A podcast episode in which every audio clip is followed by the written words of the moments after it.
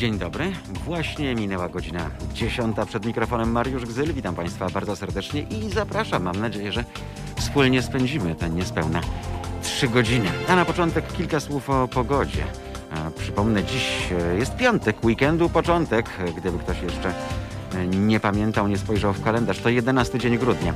Za oknami dominować będzie niestety pochmurna aura z większymi przejaśnieniami na południu Polski, a na wschodzie i północy kraju prognozowane są przelotne opady marznącego deszczu i deszczu ze śniegiem. A na termometrach, no tam niezbyt ciekawie, ale bez mrozu. Od 2 stopni na wybrzeżu, 4 na Mazowszu do 5 stopni Celsjusza na Dolnym Śląsku. Wiatr ma być słaby i umiarkowany. Silniejszy na wschodzie, tam z kierunków południowo-wschodnich. Przypomnę Państwu, że trwa nasza kampania Ile kosztuje nas Kościół, a to już jej szósty tydzień. Do jutra nasze kampanijne auto przemierza ulicę Krakowa, a od niedzieli 13 grudnia pojawi się w Wadowicach. Do końca marca przyszłego roku odwiedzimy jeszcze kilkanaście miast w całej Polsce. A w każdym z tych miast y, mamy taką nadzieję, będziemy mogli spędzić y, po 7 dni.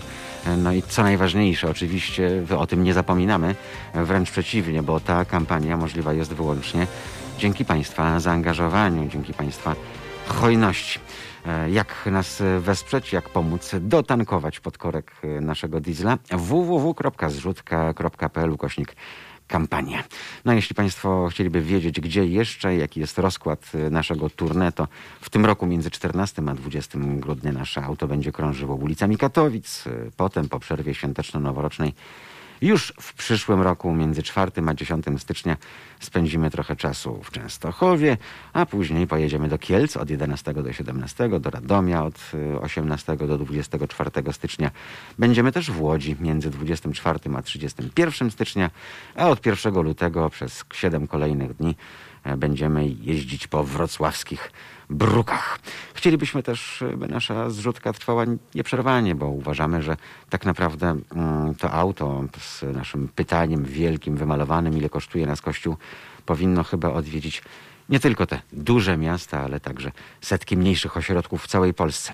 No a jeżeli Państwo podzielają to zdanie i też chcieliby je tam zobaczyć raz jeszcze, zapraszamy www.zrzutka.pl ukośnik ukośnik kampania. No a dziś, dziś w programie, jak zwykle zresztą, sporo interesujących tematów. Zaczniemy od pandemii koronawirusa i systemu ochrony zdrowia. Bo tak, Wielka Brytania się już szczepi, Polska na te szczepionki czeka, a placówki ochrony zdrowia przypominają oblężone twierdze.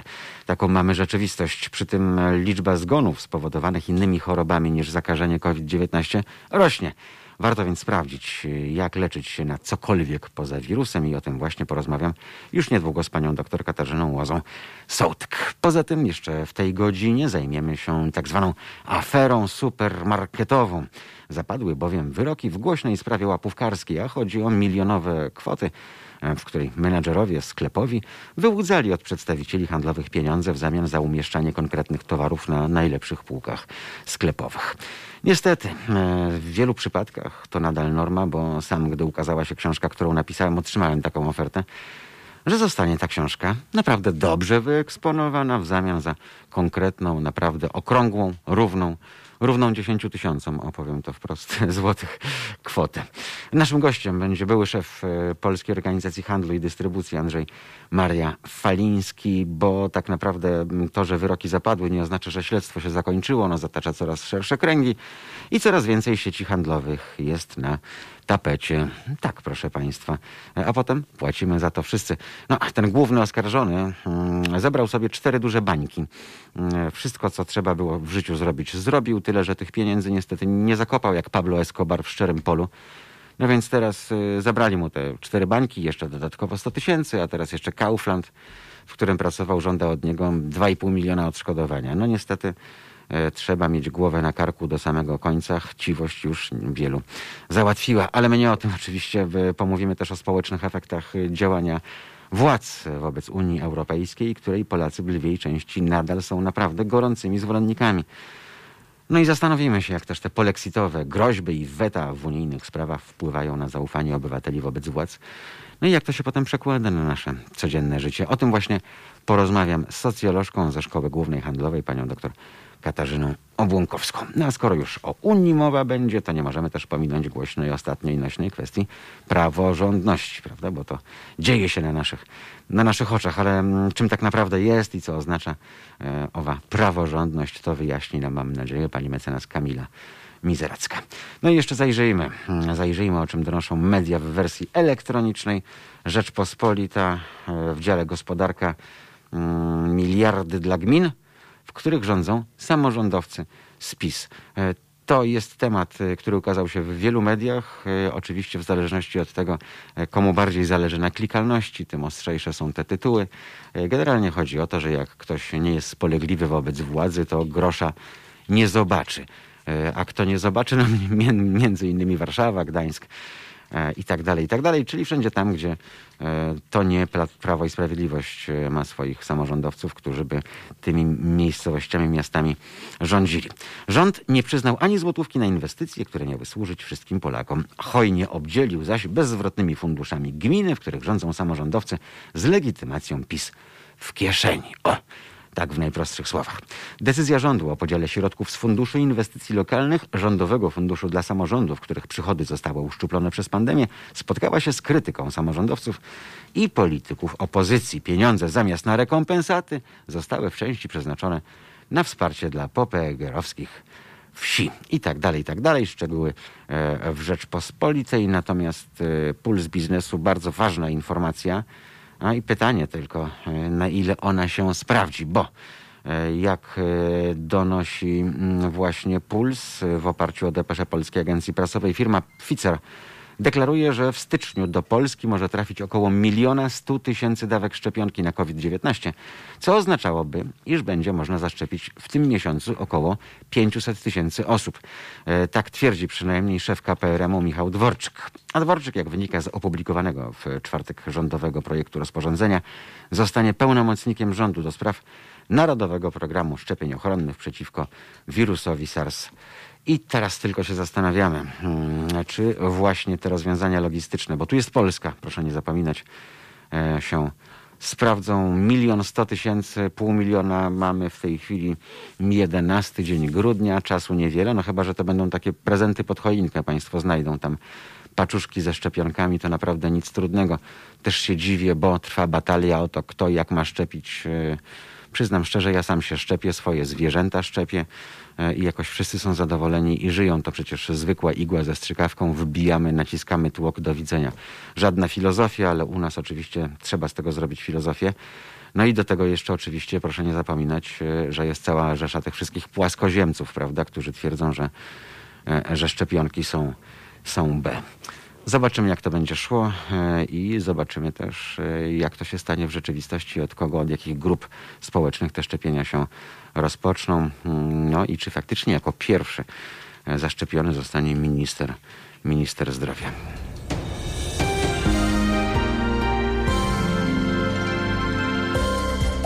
Halo Radio. Pierwsze medium obywatelskie.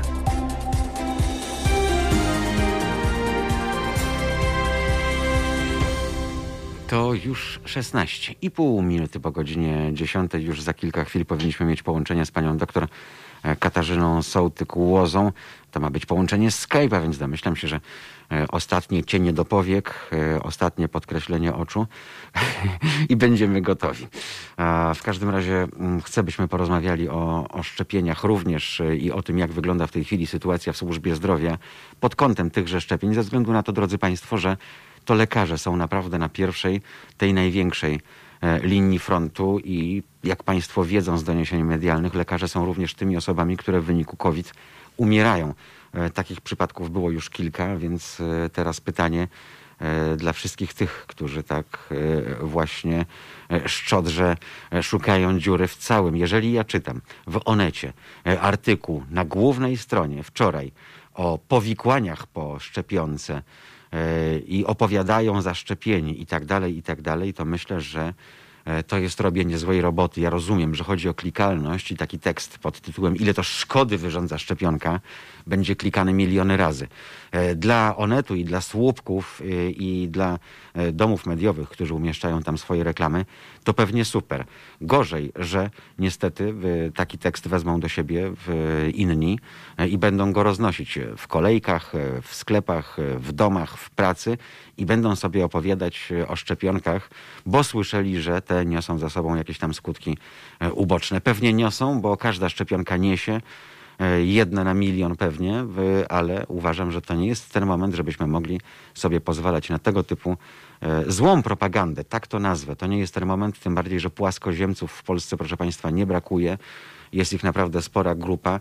A proszę sobie wyobrazić, że żyjemy właśnie bez szczepionek pokolenie moich rodziców jeszcze to było to pokolenie, które było bardzo ciężko dotknięte różnymi chorobami. Od polio, czyli Hajne Medina, prawda, po gruźlicę, po odrę, po wszystko co możliwe. Drodzy Państwo, te choroby zniknęły całkowicie, niemal całkowicie, bo w kapitalizmie się odrodziły, jak każda choroba biedy. E, ale właśnie dzięki szczepionkom, dzięki profilaktyce, dzięki bardzo szerokiemu zastosowaniu. Naprawdę nie znajduję tutaj żadnego wytłumaczenia e, na zachowanie takie, jak prezentują właśnie ci wszyscy foliarze i, e, i antyszczepionkowcy, płaskoziemcy, jak zwał, tak zwał.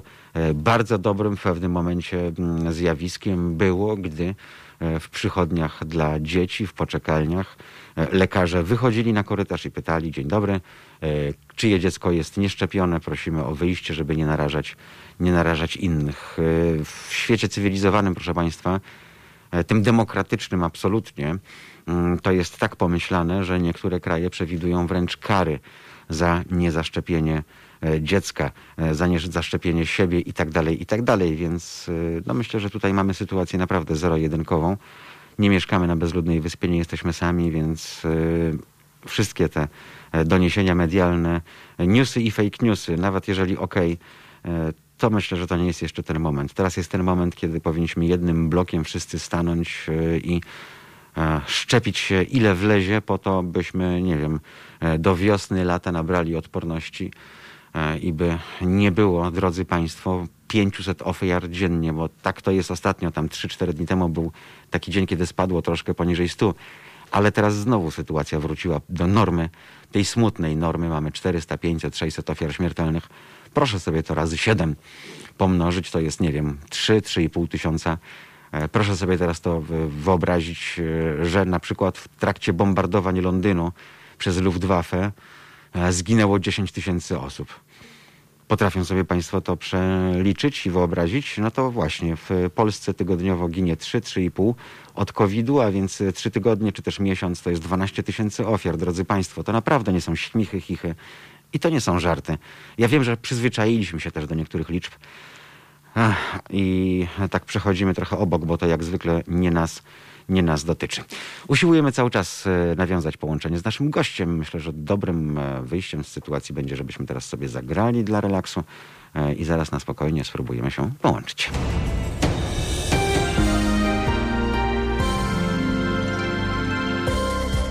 Halo Radio. Pierwsze medium obywatelskie.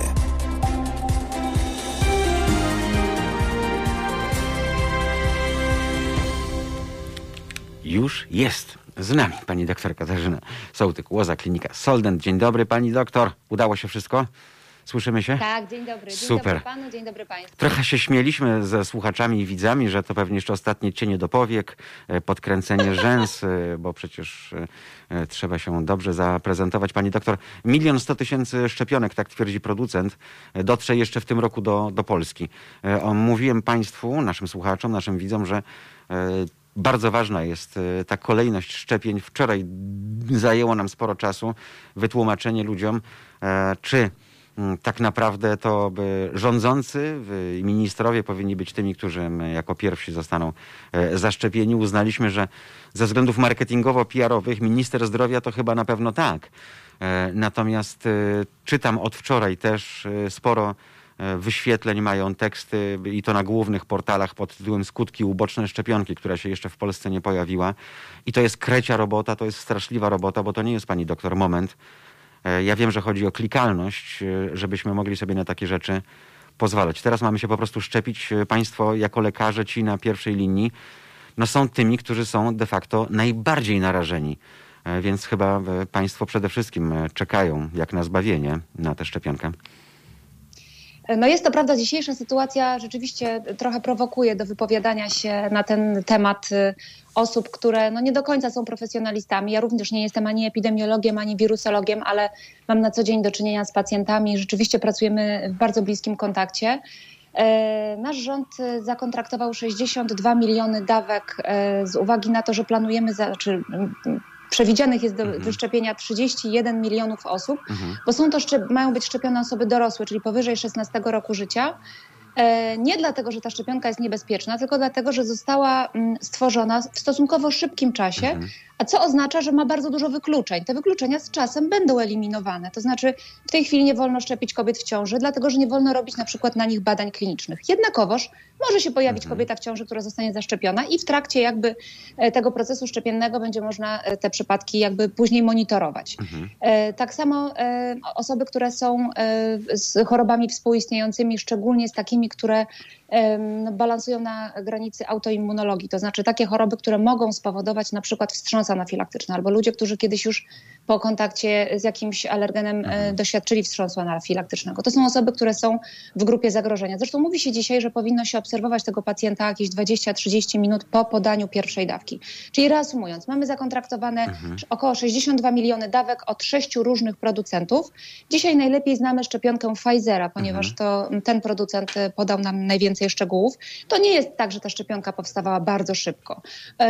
W związku z pierwszą, z pierwszą falą zachorowania SARS pierwszego i MERS, ta szczepionka była tworzona e, w laboratoriach, więc w tej chwili e, ona tak naprawdę tylko został ten proces przyspieszony. No i proces badań klinicznych, to znaczy zawsze te badania dzielą się na cztery etapy. Pierwszy to jest badanie, czy ta szczepionka jest bezpieczna, więc on, ten proces już został wykonany. I tutaj powołuje się na stanowisko naszych krajowych e, autorytetów epidemiologicznych, które jasno wskazują, że jest to szczepionka bezpieczna. Oczywiście wiadomo, że w momencie, kiedy mamy taką trudną sytuację pandemiczną, mamy do wyboru albo się zaszczepić, szczepionką, która no nie do końca została jednak e, mhm. e, przebadana, no bo nie mamy długofalowych mhm. Obie, o, o, możliwości długofalowej e, obserwacji, albo ryzykować zachorowanie na COVID, które to może być, przechodzić bardzo, mhm. przebiegać bardzo, bardzo ciężko. Pani doktor, ponieważ z opóźnieniem się spotkaliśmy, przerwijmy na chwilę dosłownie. Za dwie minuty wracamy na, na, na antenę, wracamy do rozmowy, bo teraz mamy swoje obowiązki. Naturalnie. Halo Radio. Gadamy i trochę gramy.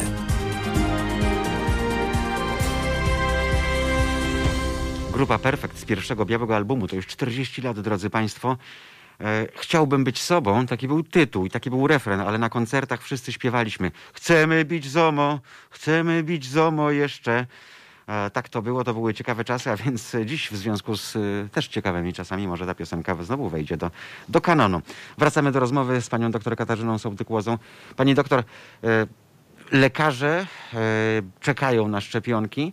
Pytanie teraz, y, jak to logistycznie wszystko rozegrać, bo y, dużo głosów się pojawia, kto, w jaki sposób, na jakiej zasadzie, y, w jakich ośrodkach powinien tę szczepionkę oferować, kto powinien być w pierwszej kolejności szczepiony. Nie obawia się Pani, że u nas ta logistyka do której można było mieć zawsze wiele zastrzeżeń, teraz da sobie radę, bo takie słowa pod tytułem, że do końca roku, tego roku, czyli jeszcze nie wiem, w ciągu dwóch tygodni powiedzmy można wyszczepić ileś tam set tysięcy osób, to jest realna mm, liczba? Nie, no myślę, że o tym nie ma mowy. E, czekamy w tej chwili na e, dokładne wytyczne, bo te, które się pojawiły przedwczoraj, to są takie no, bardzo ogólne dane. Mhm. Pojawiają się informacje na temat tego, że ma być e, punkty, które mają brać udział w przetargu na szczepienie. Mhm. Mają wyszczepić tygodniowo 180 osób, z czego ileś tam osób musi być w zespołach wyjazdowych. Proszę pamiętać, doktor, że 180 nie tysięcy osób, tylko 180 osób. Sztuk osób. 180 sztuk osób. Co oznacza, że biorąc pod uwagę przerwy y, pomiędzy Mhm. pacjentami, zespół pielęgniarka-lekarz, no bo tego pacjenta trzeba. Tak. najpierw zakwalifikować. Zespół pielęgniarka-lekarz musiałby pracować przez 5 dni w tygodniu, 10 godzin bez przerwy, bez przerw żadnych. Nawet na, na, na jakieś tam No, lekarze ostatnio u- u- udowadniają niestety, że są robotami, pani doktor, dobrze o tym wiemy, tak, y, te dyżury po 400 godzin nie są niczym dziwnym niestety. Y, Wobec... Fajnie by było, Mhm. gdyby to docenili też, też ludzie. Tak, ja osobiście bardzo doceniam i, i, i rzeczywiście duży szacunek dla, dla tych lekarzy na pierwszej linii frontu, nie tylko lekarzy, Mhm. ale pielęgniarek, ratowników medycznych, salowych, całego personelu. E, Skoro tak to wygląda na początku, no, trudno, żeby komentowała pani słowa ministra Dworczyka o tym, że pół miliona osób jeszcze w tym roku e, zostanie mm, zaszczepionych, bo to może być po prostu no, taka propaganda, tak? E, Coś e, pan minister musi powiedzieć, żebyśmy się poczuli być może lepiej. E, Czy biorąc pod uwagę to, że dostęp do ochrony zdrowia w wielu mniejszych e, miejscowościach jest ograniczony, skończy się na tym, że ktoś będzie musiał e, drałować PKS-em 30 kilometrów do punktu szczepień? Jest zima. No myśl, myślę, że tak się też może Mhm. wydarzyć. Proszę pamiętać, że szczepionka Pfizera, przynajmniej ta, o której mamy najwięcej informacji, musi być przechowywana w temperaturze minus 70 Tak. stopni. To znaczy, że te fiolki, z jednej fiolki można zaszczepić 5 osób. No Mhm. jest to logistycznie ogromny Mhm. projekt do ogarnięcia, bo to jest fiolka, którą trzeba trzymać w temperaturze minus 70 stopni, która po wyjęciu z tej lodówki musi być przechowywana maksymalnie 5 dni w temperaturze zwykłej lodówkowej i można zaszczepić 5 osób z jednej fiolki, czyli 0,3 mm, dodaje się 1,8 ml y, soli fizjologicznej i tym preparatem się szczepi. No i też musimy pamiętać, że jak się pojawi w punkcie szczepiennym 4 osoby, to co z tą jedną dawką? Trzeba pamiętać o tym, żeby zarezerwować dawki danego producenta dla jakby drugą dawkę do doszczepienia tej samej osoby, czyli No właśnie, logistycznie to jest błagam, to postawmy tu kropeczkę, bo to jest niezwykle ważne. Rozumiem, że pełną odporność uzyskuje się po przyjęciu drugiej dawki, tak? Jak to w czasie jest rozłożone? E, Powinno się szczepić e, dwoma dawkami Mhm. w odstępie trzech tygodni. Natomiast pierwszą taką, em, pierwszy taki wzrost przeciwciał, czyli pierwszą taką odporność uzyskujemy po około siedmiu dniach. Przynajmniej z tych badań klinicznych, które do tej pory udało się na 40, prawie 4 tysiącach Mhm. ochotników przeprowadzić.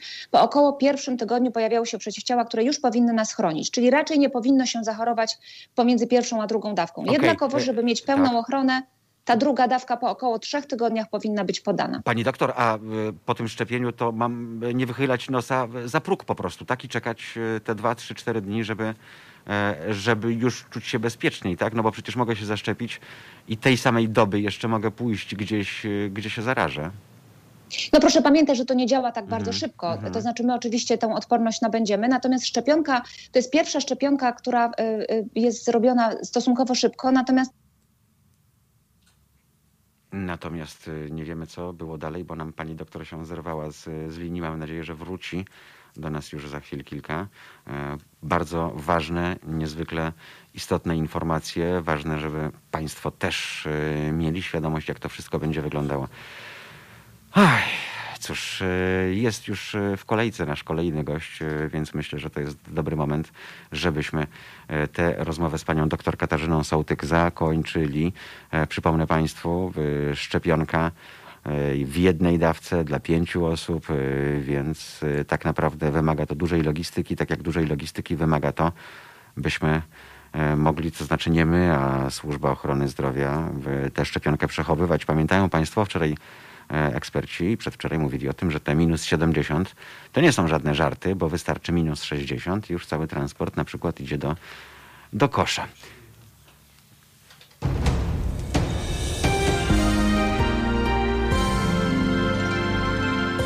Od poniedziałku do piątku. Właściwie codziennie, bo oprócz weekendów. Od 15 do 17 Halo Aktualności, czyli popołudniówka Halo Radia, na którą zaprasza Mariusz Rokos. Tematy ważne i poważne oraz te nieco mniej poważne. Od 15 do 17. www.halo.radio. Słuchaj na żywo, a potem z podcastów.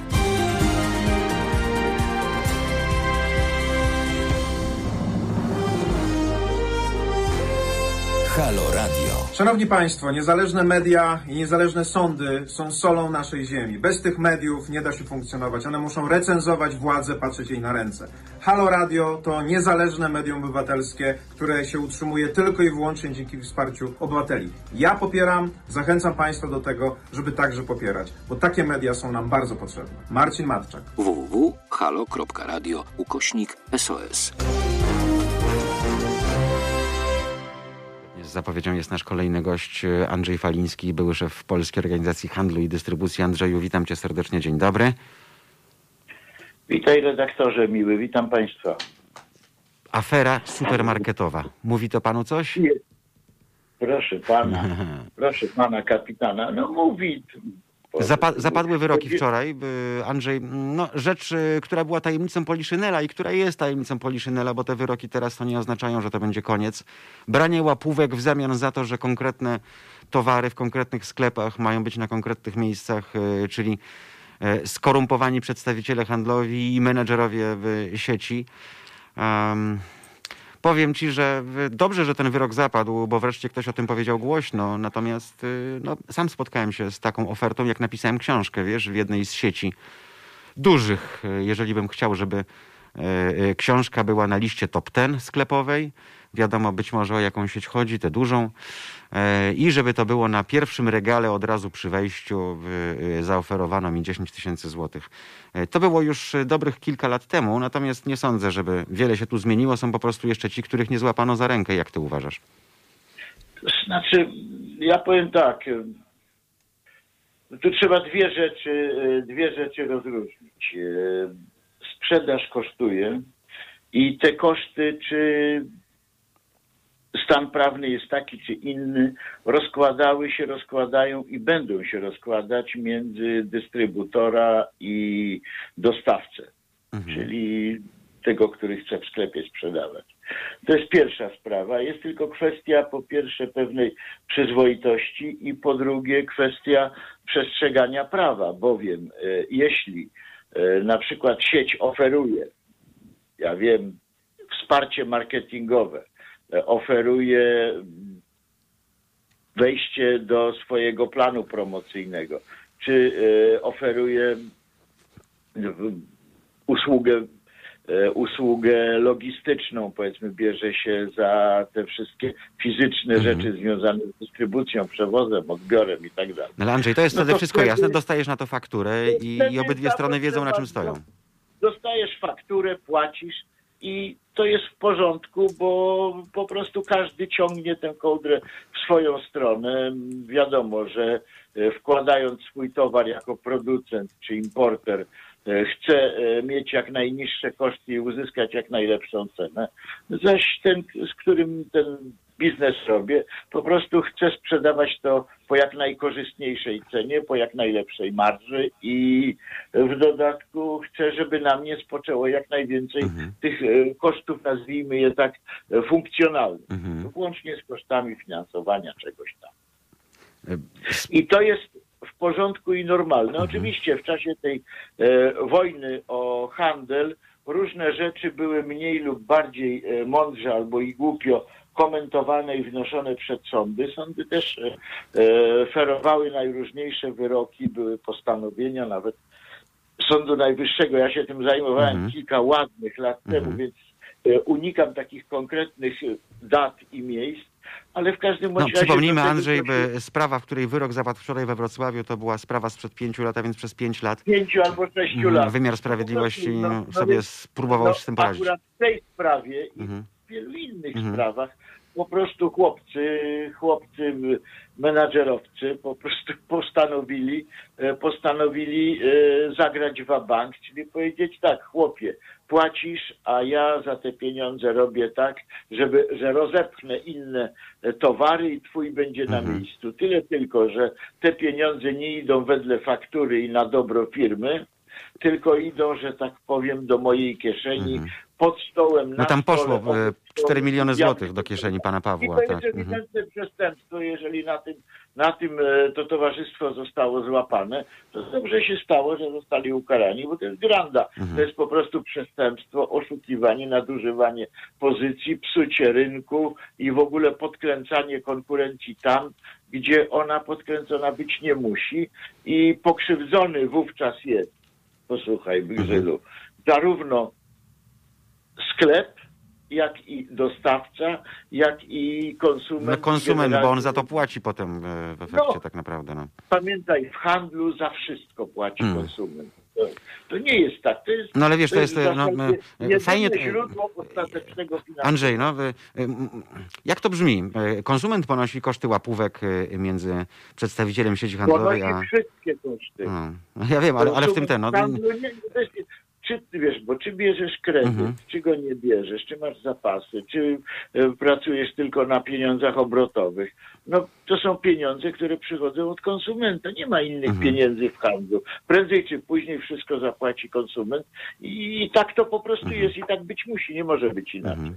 No chyba, że jest to jakieś, jakieś rozdawanie, ro- rozdawnictwo natury głęboko socjalistycznej bądź feudalnej, Mhm. no to wtedy się rozdaje, rozrzuca się chleb, y, jakieś e, cukierki, inne rzeczy, ale to wtedy płacisz za to w podatkach. Mhm. No, nie ma innych Andrzej, pieniędzy. tylko teraz, teraz, teraz pytanie, bo mm, no zobacz, e, wiadomo, że chodzi e, o byłego menedżera sieci, sieci Kaufland, natomiast z tego, co, co słyszymy, to to śledztwo dalej jest prowadzone, zatacza dosyć szerokie kręgi, no bo wiadomo, że tych sieci jest trochę w Polsce.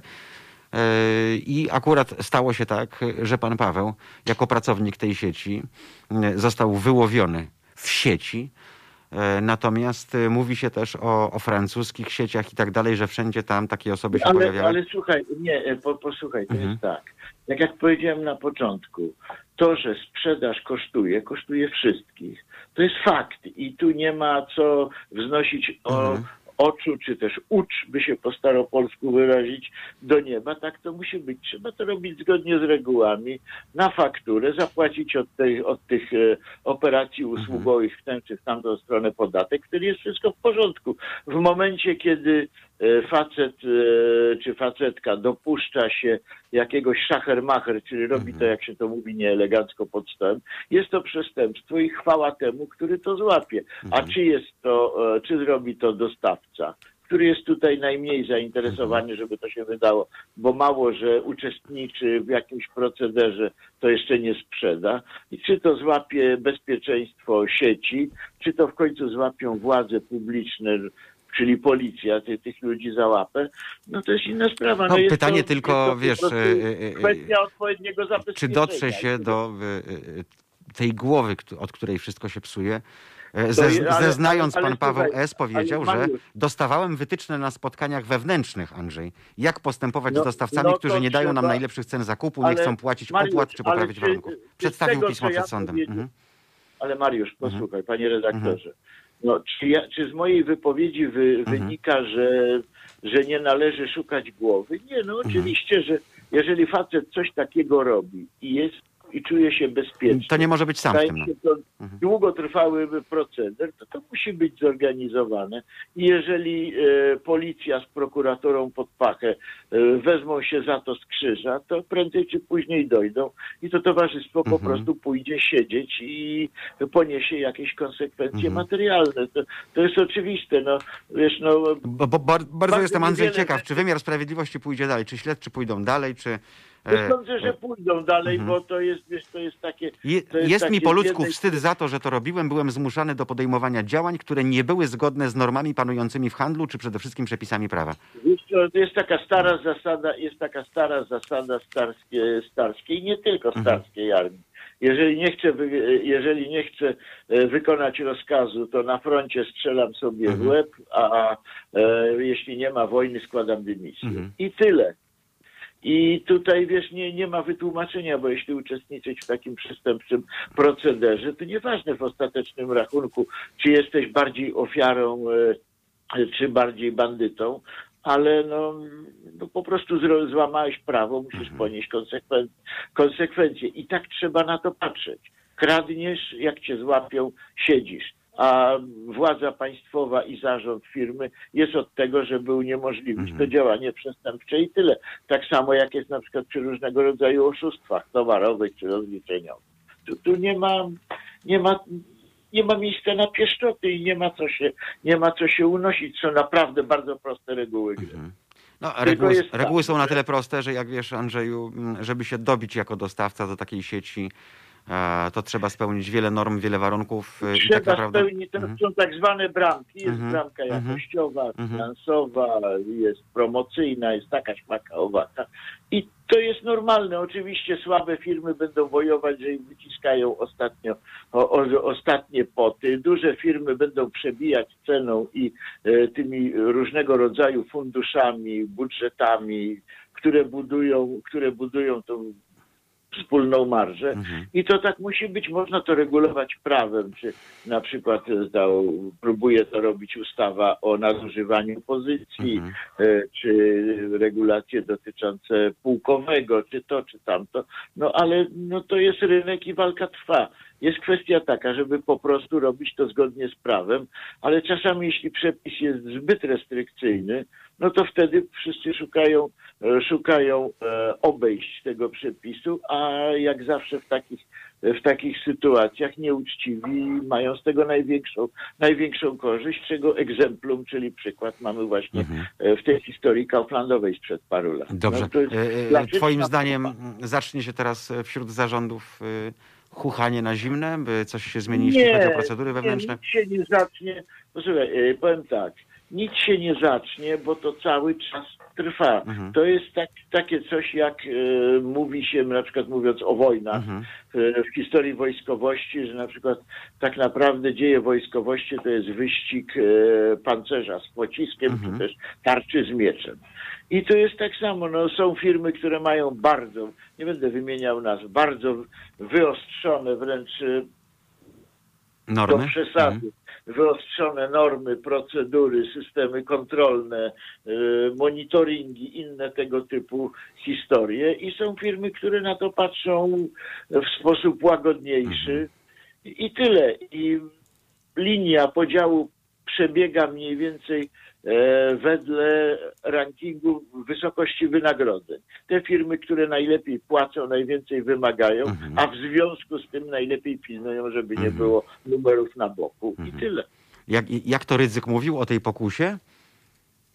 A, Ostatnio? no tak, no to, to trochę inną pokusę. Nie wiem, wiem, no ale to wiesz, no, kto nie ma pokus, pokus- pytał Rydzyk, tak? E, No, no, no, no co, no, no redaktorze, nie masz, po, nie masz pokus, no. E, Jest kwestia taka, czy jest to pokusa, czy jest to pokusa akceptowalna, czy jest to pokusa No stara zasada jeszcze mówi, że małą łyżką dłużej jesz i lepiej się najesz, No, ale- dużą się No zadławisz. dobra, ale jak się nałykasz Mm. powietrza, to ci się beknie i wszyscy na ciebie zwrócą Mhm. uwagę.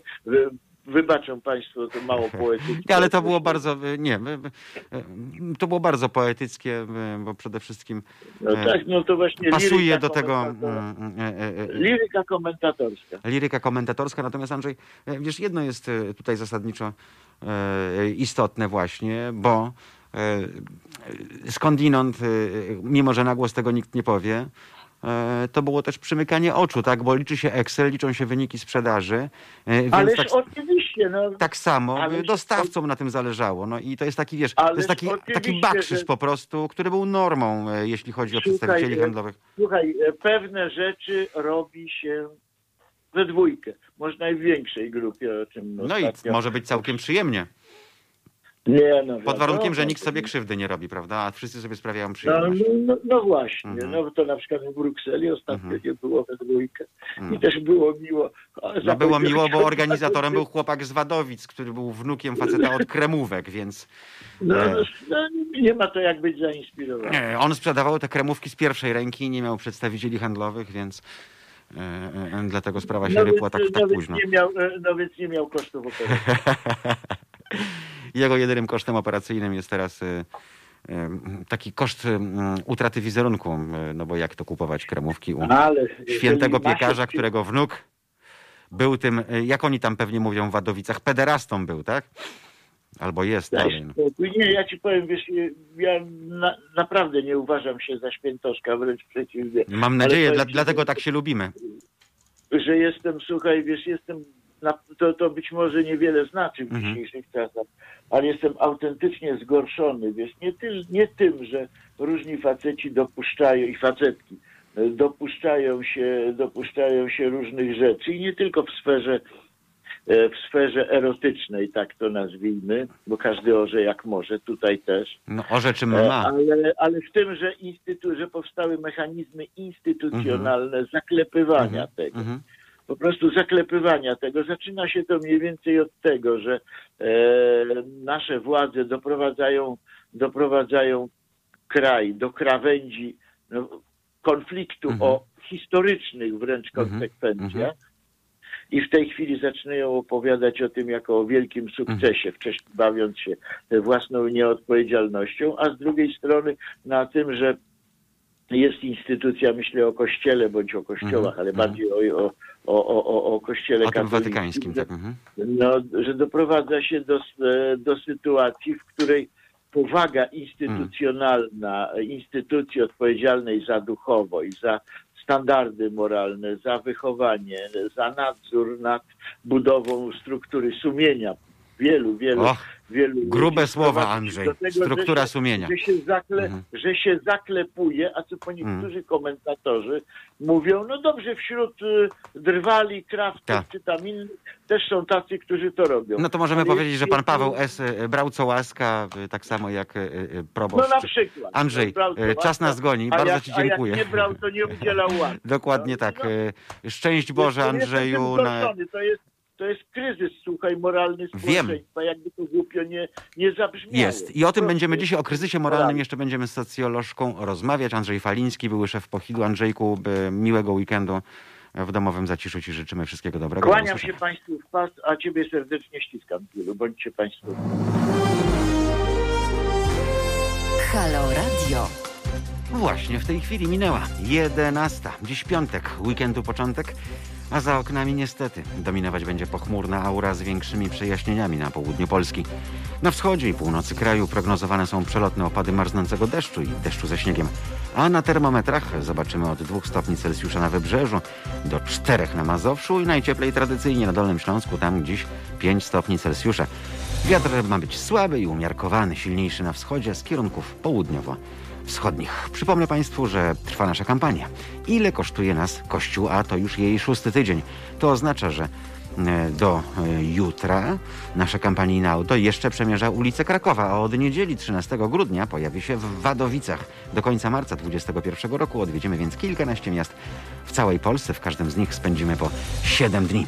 A ta kampania możliwa jest wyłącznie dzięki Państwa hojności, dzięki Państwa zaangażowaniu finansowemu e, którą obserwujemy z przyjemnością na stronie www.zrzutka.pl ukośnik kampania.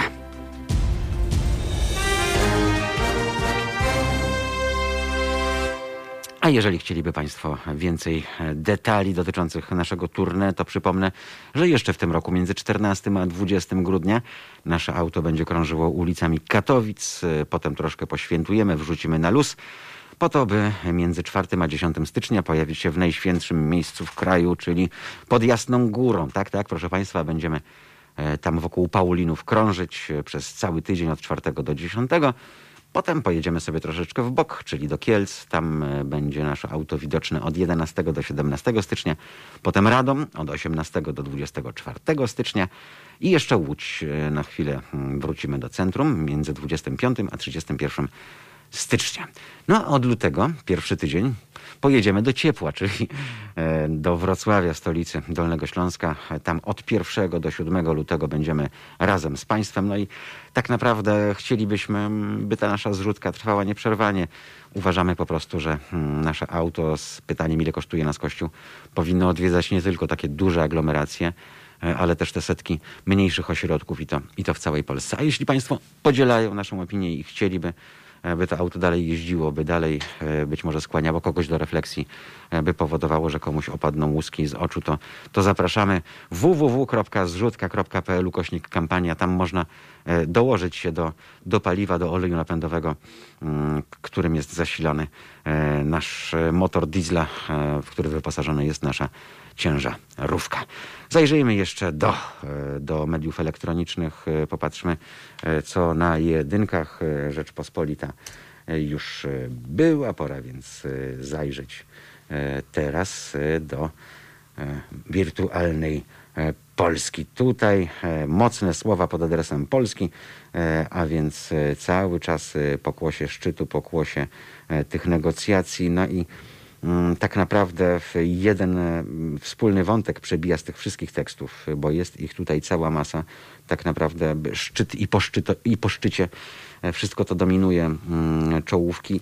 E, no, że, że wychodzimy na durniów, proszę Państwa, z jednej strony, z drugiej strony, że to było kompletnie niepotrzebne, z trzeciej strony, że tak naprawdę Orban swoje ugrał, bo uzyskał tę datę graniczną 2022 roku, jeśli chodzi o mechanizmy.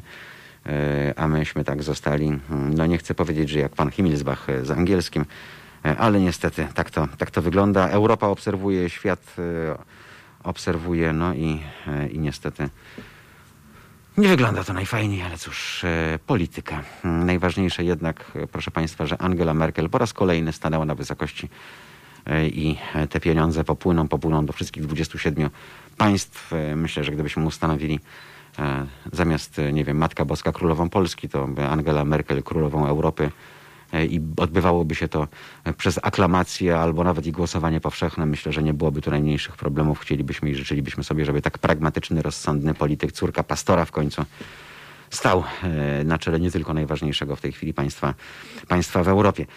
No i z takich ciekawostek, bo na gazeta.pl nie wchodzimy, bo tam państwo się dowiedzą głównie, kto został ojcem albo kto z kim, E, bo Gazeta.pl ostatnio jakiegoś takiego jednego wielkiego pudelka zaczyna przypominać.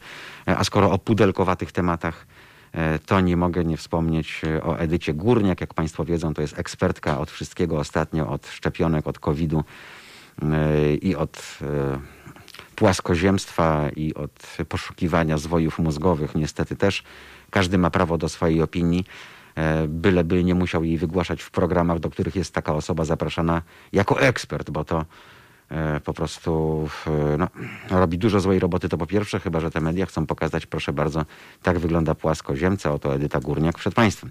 Edyta Górniak niestety zasłynęła ze swoich wypowiedzi na temat szczepionek, pandemii, ogólnie zdrowia. Teraz chciałaby, żeby krytycy ją przeprosili. O, tak, tak, proszę państwa, trzeba przeprosić Edytę Górniak.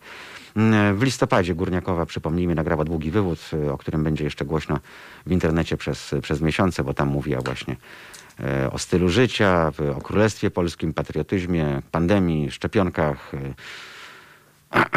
i tak dalej, i tak dalej.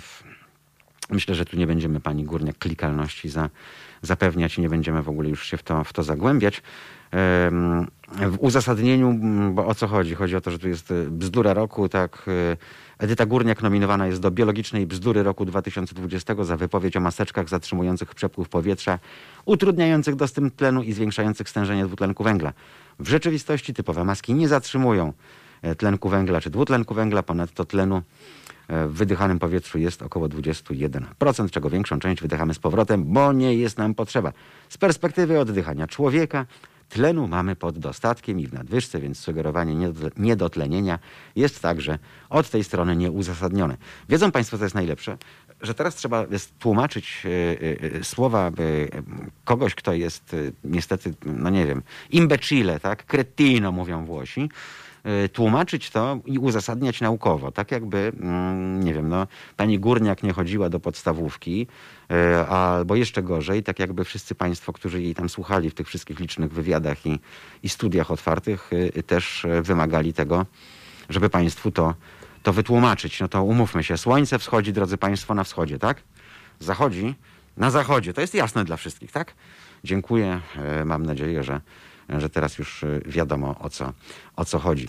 Y, jeżeli chodzi o mm, y, gospodarkę, warto odwiedzić portal Money, money.pl, ponieważ tutaj bardzo mm, irytujący artykuł, hmm, chociaż każdy artykuł, który odpowiada, opowiada o naszej rzeczywistości jest chyba irytujący, a mianowicie wymiana kas fiskalnych to zła wiadomość dla branży hotelarskiej i gastronomicznej. Money.pl donosi, że kryzys związany z pandemią koronawirusa odcisnął się na kondycji branży hotelarskiej i gastronomicznej.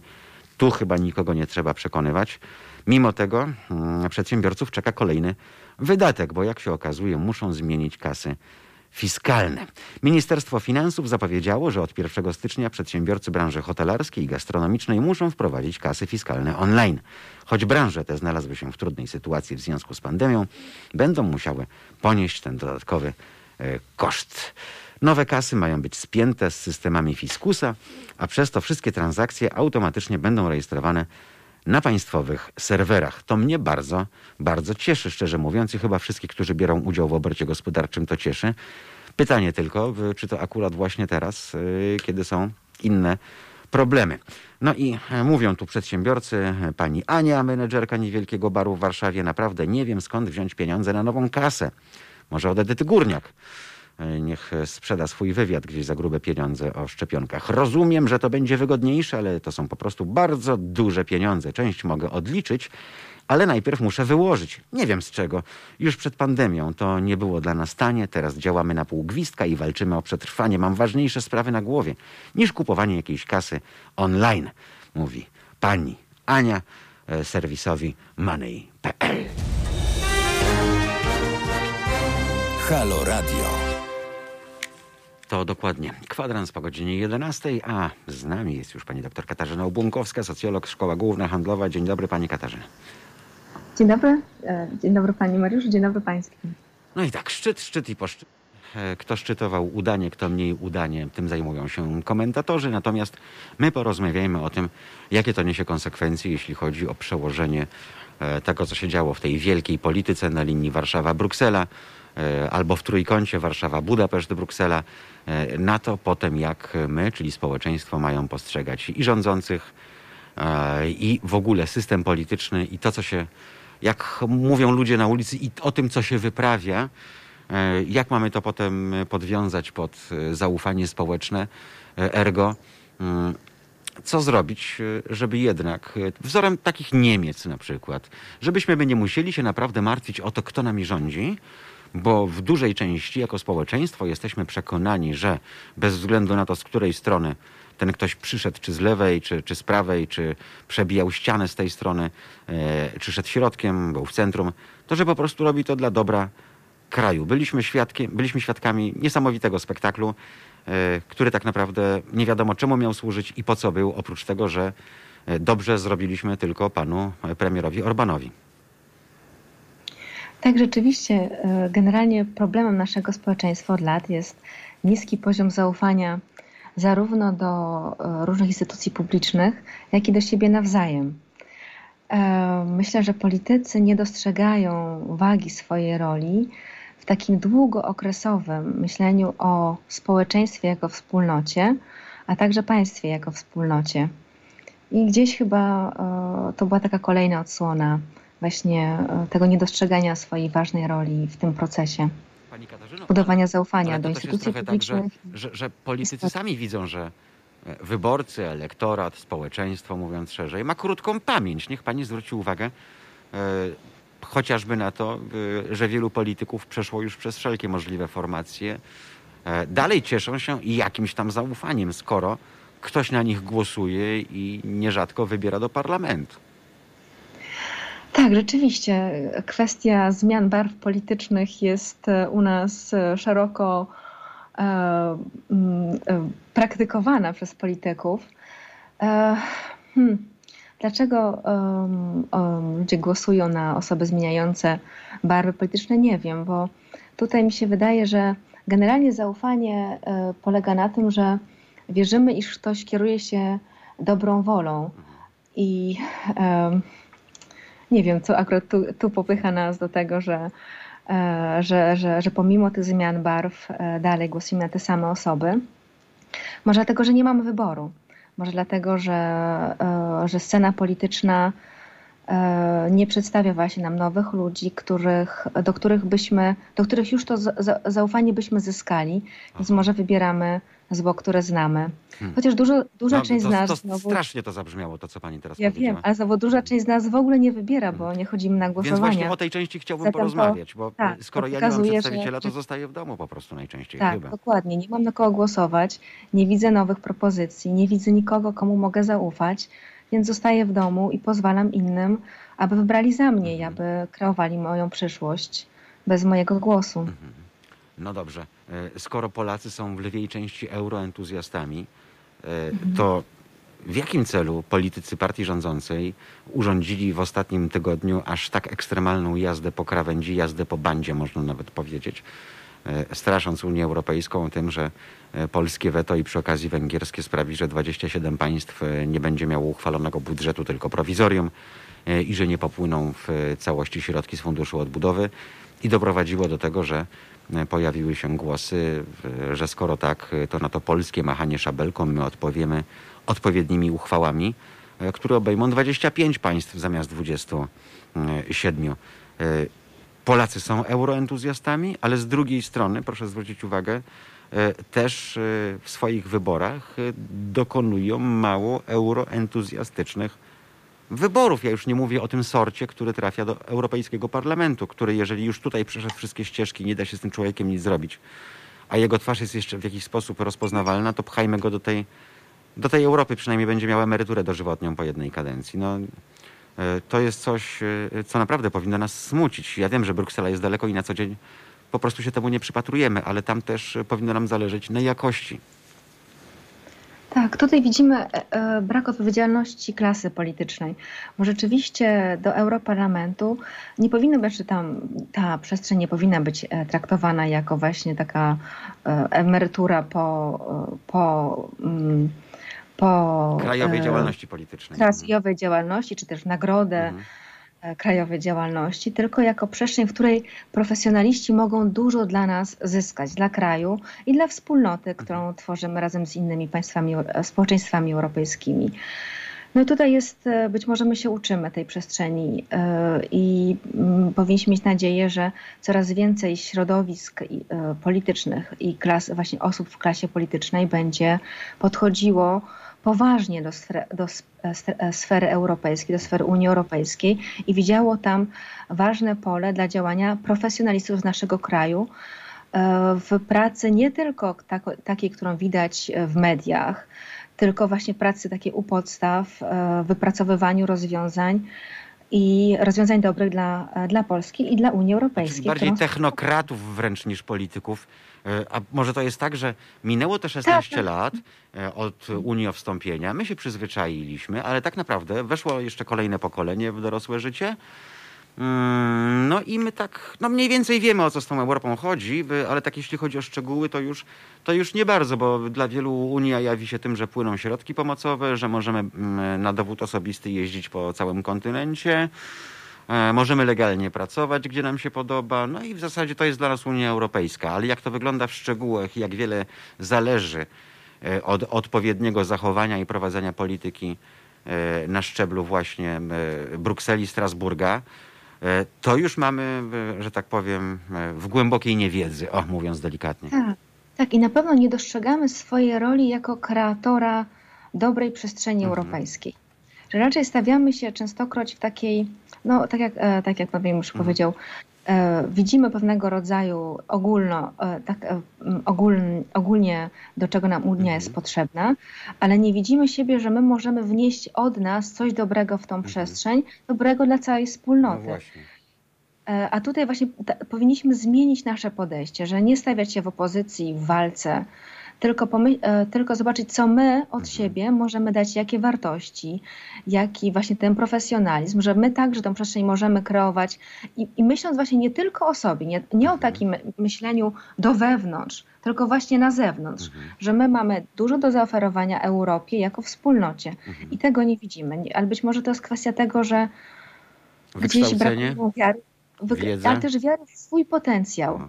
E, Tak, wykształcenie, wiedza, to jest wszystko się składa, Polacy są coraz lepiej wykształceni, coraz więcej wiedzą, ale musimy uwierzyć w to, że Europa nas potrzebuje jako twórców Unii Europejskiej, jako osoby kreujące pozytywną przestrzeń. A tak. No do tej skostniałej piętnastki dołączają kolejne kraje, więc e, spodziewalibyśmy się, e, że tacy Beniaminkowie wejdą, no może nie z framugą, nie z futryną, ale wniosą świeżą krew, nowe spojrzenie i swoją wizję, prawda? Tutaj tej tak. wizji w ogóle nie widać. Gdzieś tam my się znowu ustawiamy w przedpokoju albo w tych dalszych pokojach, nie siedzimy w salonie, gdzie się toczą główne dyskusje, tak jakbyśmy mieli, nie wiem, jakieś swoje kompleksy. A jeżeli wchodzimy do tego salonu, to po to niestety, e, przepraszam za słowo, żeby tam bąka puścić. No i, i tak jak to miało miejsce ostatnio. I wtedy wszyscy się pukają w głowę e, z tych starych Europejczyków i mówią, kurde, a to wy jeszcze jesteście na imprezie? A, przecież siedzieliście w tym drugim pokoju. No tak, faktycznie. Wy... E, Dobrze, dobrze, opowiedzcie, tu macie drinki, macie kanapeczki, wracajcie do tego swojego pokoju, bo my i tak musimy tutaj e, po prostu sami zadecydować, e, jako ci dojrzalsi, bardziej pragmatyczni i tak dalej, i tak dalej. No, no tak to niestety wygląda. Tak, wydaje mi się, że musimy uwierzyć trochę i też tak, tak działać w ten sposób, że właśnie my możemy coś dać od siebie, aby Unia zobaczyła, czy też tak jak tutaj pan, panie Marze powiedział, sta, starzy Europejczycy, że my tą nową krwią, tą, możemy coś wnieść dobrego, ale my sami musimy zobaczyć, co my dobrego mamy do zaoferowania Europie. To jest kwestia wiary w siebie. No właśnie. Wiary w, tak, No my mam niestety w siebie, w siebie nie wierzymy. Wierzymy w, Tak. wiadomo w co, e, czego ponosimy Tak. konsekwencje, e, również te finansowe. Pani Katarzyno, wrócimy do rozmowy e, po wpół do 12, dobrze? E, Teraz sobie e, jeszcze przez e, chwilę e, zagramy e, i słyszymy się tuż po wpół do. Katarzyna Obłąkowska. Za chwilę dalszy ciąg rozmowy.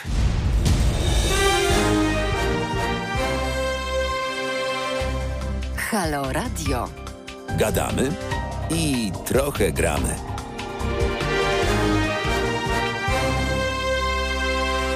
Na zegarach już, proszę Państwa, pół do dwunastej. Słuchają Państwo Halo Radia z Warszawy, a dziś w ciągu dnia za oknami niestety dominować będzie pochmurna aura z większymi przejaśnieniami na południu Polski.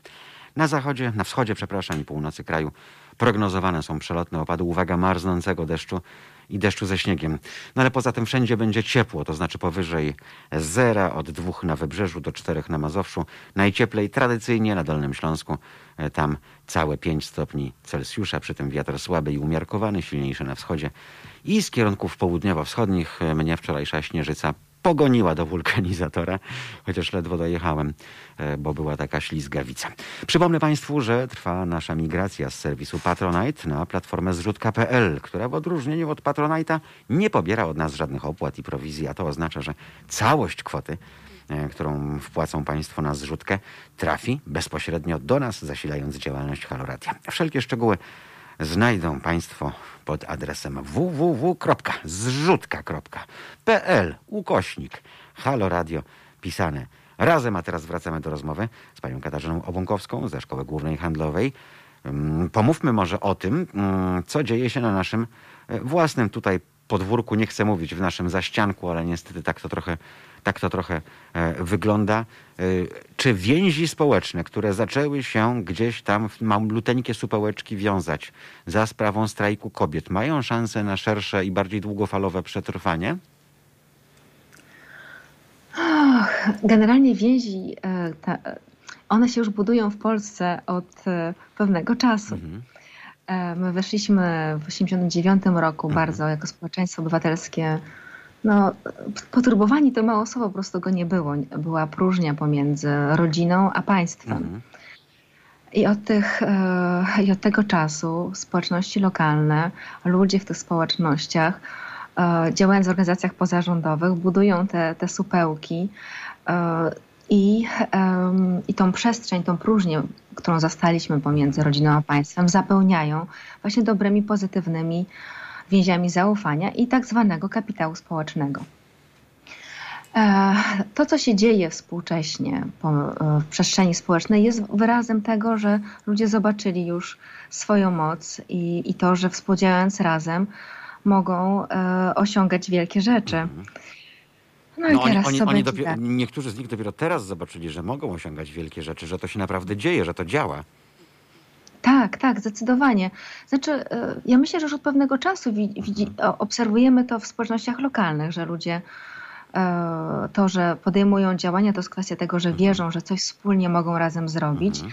I często takich małych rzeczy, od tego, że coś się zrobi blisko siebie na swojej ulicy, w sąsiedztwie, ludzie przekładają to na większe sprawy. W społecznościach lokalnych uczą się tego, że coś od nas zależy i potem stają się coraz bardziej odważni, aby głośno mówić i działać w sprawach większych, właśnie na przykład mhm. ogólnokrajowych, e, no to, to, co obserwujemy na ulicach, ale oczywiście, tak jak pan, pani już powiedział, no młodzi ludzie, no to oni dopiero teraz od razu e, wskoczyli na głęboką wodę, wypowiadając się i działając e, w obszarze mhm. W obszarze państwa od razu. Nasz słuchacz napisał, witam, niestety następuje celebretyzacja wiedzy. Naukowcy będą musieli się zniżać do poziomu celebrytów. To tak a propos tego, co się dzieje wokół szczepionek, pani Katarzyno, bo o tym właśnie chciałbym teraz porozmawiać, ze względu na to, że e, przykro mi to mówić, ale czytałem wczoraj e, na dużych portalach typu Onet, na jedynkach, e, takie krzyczące tytuły o skutkach ubocznych szczepionki na COVID. Ja rozumiem, że one są i że w iluś tam przypadkach na milion mogą występować, ale czy to jest moment właśnie, by do społeczeństwa no, które niby te papierki ma skończonych szkół, ale to nie oznacza, że zdobyli wiedzę i że mają szerokie horyzonty, krzyczeć właśnie takimi e, tytułami w momencie, kiedy mamy po kilkaset ofiar dziennie i kilka tysięcy tygodniowo. E, to mnie zastanawia, e, bo chciałbym, żebyśmy właśnie teraz o roli mediów też, e, też opowiedzieli. Roli mediów, która przestała kształtować, e, a o roli mediów, która e, zaczęła już tylko nastawiać się na czysty zysk, czyli klikalność. Dzisiaj, jak nie ma klikalności, to nie ma pieniędzy i tak w kółko, i tak w kółko. E, Halo Radio jest medium obywatelskim, więc opiera się na nieco innych zasadach funkcjonowania, e, ale mm, to jest ten smutny czas, kiedy rządzą pani Katarzyno e, pieniądze i to tak, tak dosłownie, bo to reklamodawca uzależnia od tych clickbaitów kwoty, które przekazuje na dane medium. No i koniec jest taki właśnie, że gdzieś to się zapętla w takim, w takim histerycznym krzyku niektórych mediów. Tak, generalnie cała sytuacja związana z pandemią i teraz mamy jej e, kolejną odsłonę, e, pokazuje, jak ważne jest e, właśnie zaufanie i poczucie bezpieczeństwa. Mhm. Od samego początku zupełnie inaczej rządy mogą sobie radzić, jeżeli społeczeństwo ufa temu, co, co, jakie są wprowadzane rozwiązania i wierzy, że to jest w, w, robione z dobrą mhm. wolą, w celu właśnie zabezpieczenia społeczeństwa, a nie, a nie przeciwdziała podejmowania ukrytych negatywnych działań. Mhm. I teraz to samo się dzieje ze szczepionką. Mhm. E, społeczeństwo musi ufać, że rząd wprowadza rozwiązanie jest pewny tego, że to jest rozwiązanie chroniące. Gdy tego zaufania nie ma, pojawiają się przeróżne rzeczy i w internecie, i, w e, i, i są właśnie, właśnie są publikowane. No bo to jest e, tym bardziej przykre, że e, ci, którzy odpowiadają za treści, doskonale zdają sobie sprawę z tego, że duża część społeczeństwa niestety ma niską świadomość. No nie chcemy ich nazywać, nie wiem, płaskoziemcami, ale wystarczy, że to jest liczna grupa antyszczepionkowców. Wtedy taki tekst trafia na, na podatny grunt i wtedy zaczynają się rozmowy po domach, w kolejkach, w kolejkach u lekarza na przykład, gdziekolwiek E, o tym, e, jakie to straszliwe skutki może ta szczepionka e, przynieść, podczas gdy tu walka idzie naprawdę o życie i to o, o istnienie tysięcy ludzi. No I tu się nie ma nad czym zastanawiać. Gdyby było inaczej, to byśmy teraz mieli co dziesiątego człowieka na ulicy chorego na gruźlicę, który by prądkował, co któregoś mhm. chorego na polio, a co któregoś rozno roznoszącego bardzo często śmiertelną odrę. Nad czym tu się mhm. zastanawiać? Tak, to jest kwestia tego, temu komu zaufamy. Mhm. Czy zaufamy, tak jak e, to już też Pan Premierze powiedział, mhm. częstokroć portalom czy mediom, które poszukują sensacji i, i, i dając tą sensację, na przykład właśnie e, tutaj, o czym Pan mówił mhm. przed chwilą, taki w kwestiach tych um, negatywnych skutków mhm. szczepionek, czy też zaufamy naukowcom, czy też zaufamy właśnie rządom i tutaj jest wielki, wielki problem w perspektywie tego, co rozmawialiśmy przed przerwą, e, czy zaufają e, też wspólnocie, bo mhm. wiemy, że tutaj w perspektywie tego typu chorób możemy się chronić jako całość, jako populacja. No więc właśnie. I, i nikt, jeżeli wszyscy razem nie podejmiemy e, wyzwania, to, to, to nie osiągniemy celu. Więc jest tutaj właśnie wiele obszarów e, lęku, który jest zrozumiały, aczkolwiek e, no, musimy pokazać i postawić na to zaufanie wzajemne. Tylko jak to Ale zrobić i kto, pani Katarzyno, zostały nam dwie minuty rozmowy, powinien to zrobić? E, Rozumiem, że media, ale te e, nie będą oprócz Halo Radia spełniały misji obywatelskiej i edukowały, e, bo nikt im za to nie zapłaci.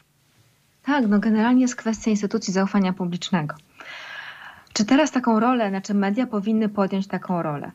E, Oczywiście rząd poprzez e, różnego rodzaju swoje organy, instytucje także powinien pokazywać tą, e, to, to także pokazywać się jako instytucje, którym można ufać. Wiemy, że niestety dzieje się różnie i dzia- niektóre działania e, podważają to zaufanie, co w obecnej sytuacji jest dodatkowo negatywne. E, Szkoły, e, społecznościach lokalnych, liderzy lokalni są bardzo ważni. Szkoły, pani Teraz- Katarzyno, za awatar z piorunem nie uczestniczy pani w zajęciach. E, Czego pani wymaga od szkół? E, Media by to łyknęły, gdyby był rządowy program 100 milionów dla mediów na promocję szczepionek. E, Wtedy te wszystkie portale ustawiłyby się w kolejce, żeby, żeby, żeby łyknąć tę kasę i wtedy by powiedziały wszystko, co trzeba powiedzieć. To jest smutne w tym wszystkim. Zdaje pani sobie z tego sprawę? Tak, ale może organ- organizacje pozarządowe teraz, które mają Mhm. bardzo utrudnioną rolę, bardzo utrudnione działanie w czasie pandemii, także mogą być pewnego rodzaju Mhm. siłą wzmacniającą działania prospołeczne. E, To powinien być taki e, pe- pełna, znaczy taka właśnie pełna Mhm. współpraca jak największej liczby e, organizacji, którym Polacy ufają. Tu mamy na przykład organizacje pozarządowe Mhm. takie jak Caritas Mhm. czy WOŚP na przykład, ale no właśnie takie wspólne działanie, ale tu jest naprawdę wiele czynników, które to zaufanie podważają, ale tak jak pan, pan, e, pan redaktor powiedział, media są kluczowe, tylko jak tu właśnie e, stworzyć to, abyśmy chcieli razem działać e, w wspólnym interesie. Pytanie, na które już nie znajdziemy teraz odpowiedzi. Pani doktor Katarzyna Ubłąkowska. Pani Katarzyno, jak zwykle było mi niezmiernie miło panią gościć. Życzymy miłego dnia i udanego weekendu. Szkoła główna, handlowa. E, Tam naprawdę kadry, jak państwo słyszą, na najwyższym możliwym poziomie. Dzie- Dziękujemy raz jeszcze. ba- Wszystkiego dobrego. Dziękuję bardzo. Ja Państwu także życzę dużo zdrowia i, i dobrego e, takiego, może już takiego wspólnotowego nastroju zbliżającego nas ku świętom. Okej, okej, dziękujemy. Do usłyszenia.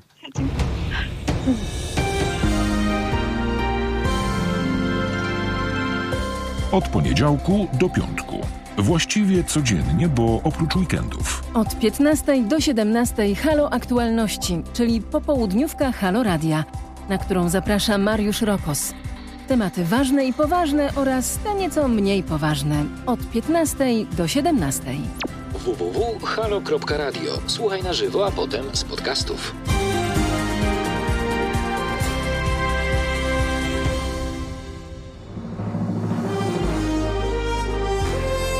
Halo Radio. Cześć, nazywam się Janusz Panasewicz, wspieram Medium Obywatelskie.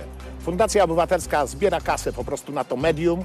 Chcemy być wolni od polityki, od y, słupków oglądalności, od cenzury, od walki o y, jakieś tam polityczne wybory przed każdymi wyborami, obiecanki, cacanki, te wszystkie rzeczy, które nas po prostu złoszczą. Rozmawiajmy o nas, o naszych sprawach, o ważnych sprawach. Ja co miesiąc wspieram to i będę wspierał finansowo media, które są niezależne. I Kuba Wątły, który to gwarantuje, obserwuję go od lat, jest oczywiście bardzo bezpośredni. Czasami doprowadza ludzi do szału, jest bezkompromisowy, ale jest on sam w sobie jedyny, niepowtarzalny i po prostu ja mu ufam i zachęcam was do tego. Wspierajcie medium obywatelskie. Jestem z wami. www.halo.radio ukośnik SOS.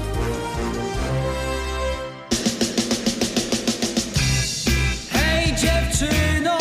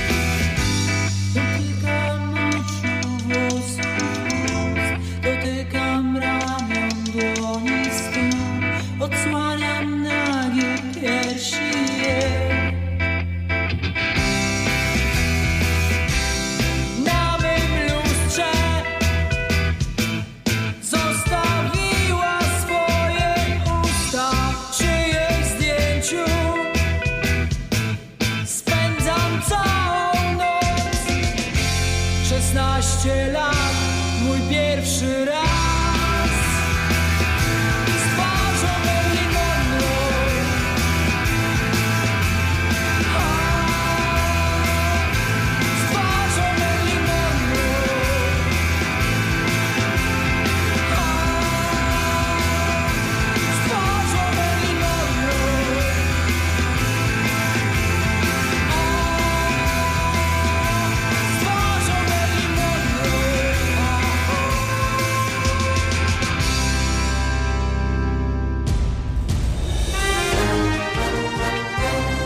Halo Radio.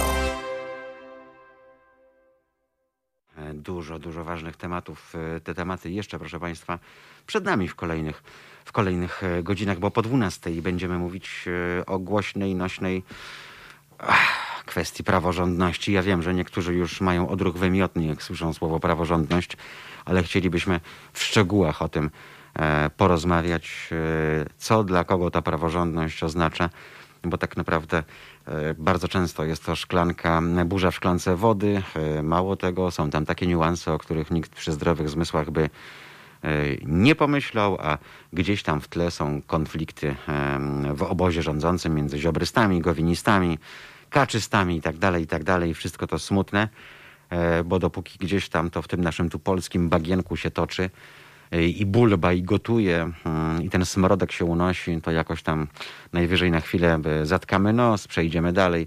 E, Ale niestety ten smród potem po całej Europie się roznosi, ten fetor, e, a tego już nie chcemy. Chcemy być traktowani jako poważni partnerzy, e, jako mm, jeden z 27, ale bardzo liczących się i ważnych krajów, nie tylko jako rynek zbytu, gdzie można e, liczyć na 40 milionów niemal konsumentów, ale także jako kraj, który coś do tej Unii wnosi e, poza brzydkim zapachem, o, mówiąc, e, mówiąc górnolotnie. Tak więc e, o tym sobie porozmawiamy z panią mecenas Kamilą Mizeracką, e, która mam nadzieję wszystko nam, mm, nam wyjaśni, e, bo ja bym się chętnie dowiedział, o co poszło.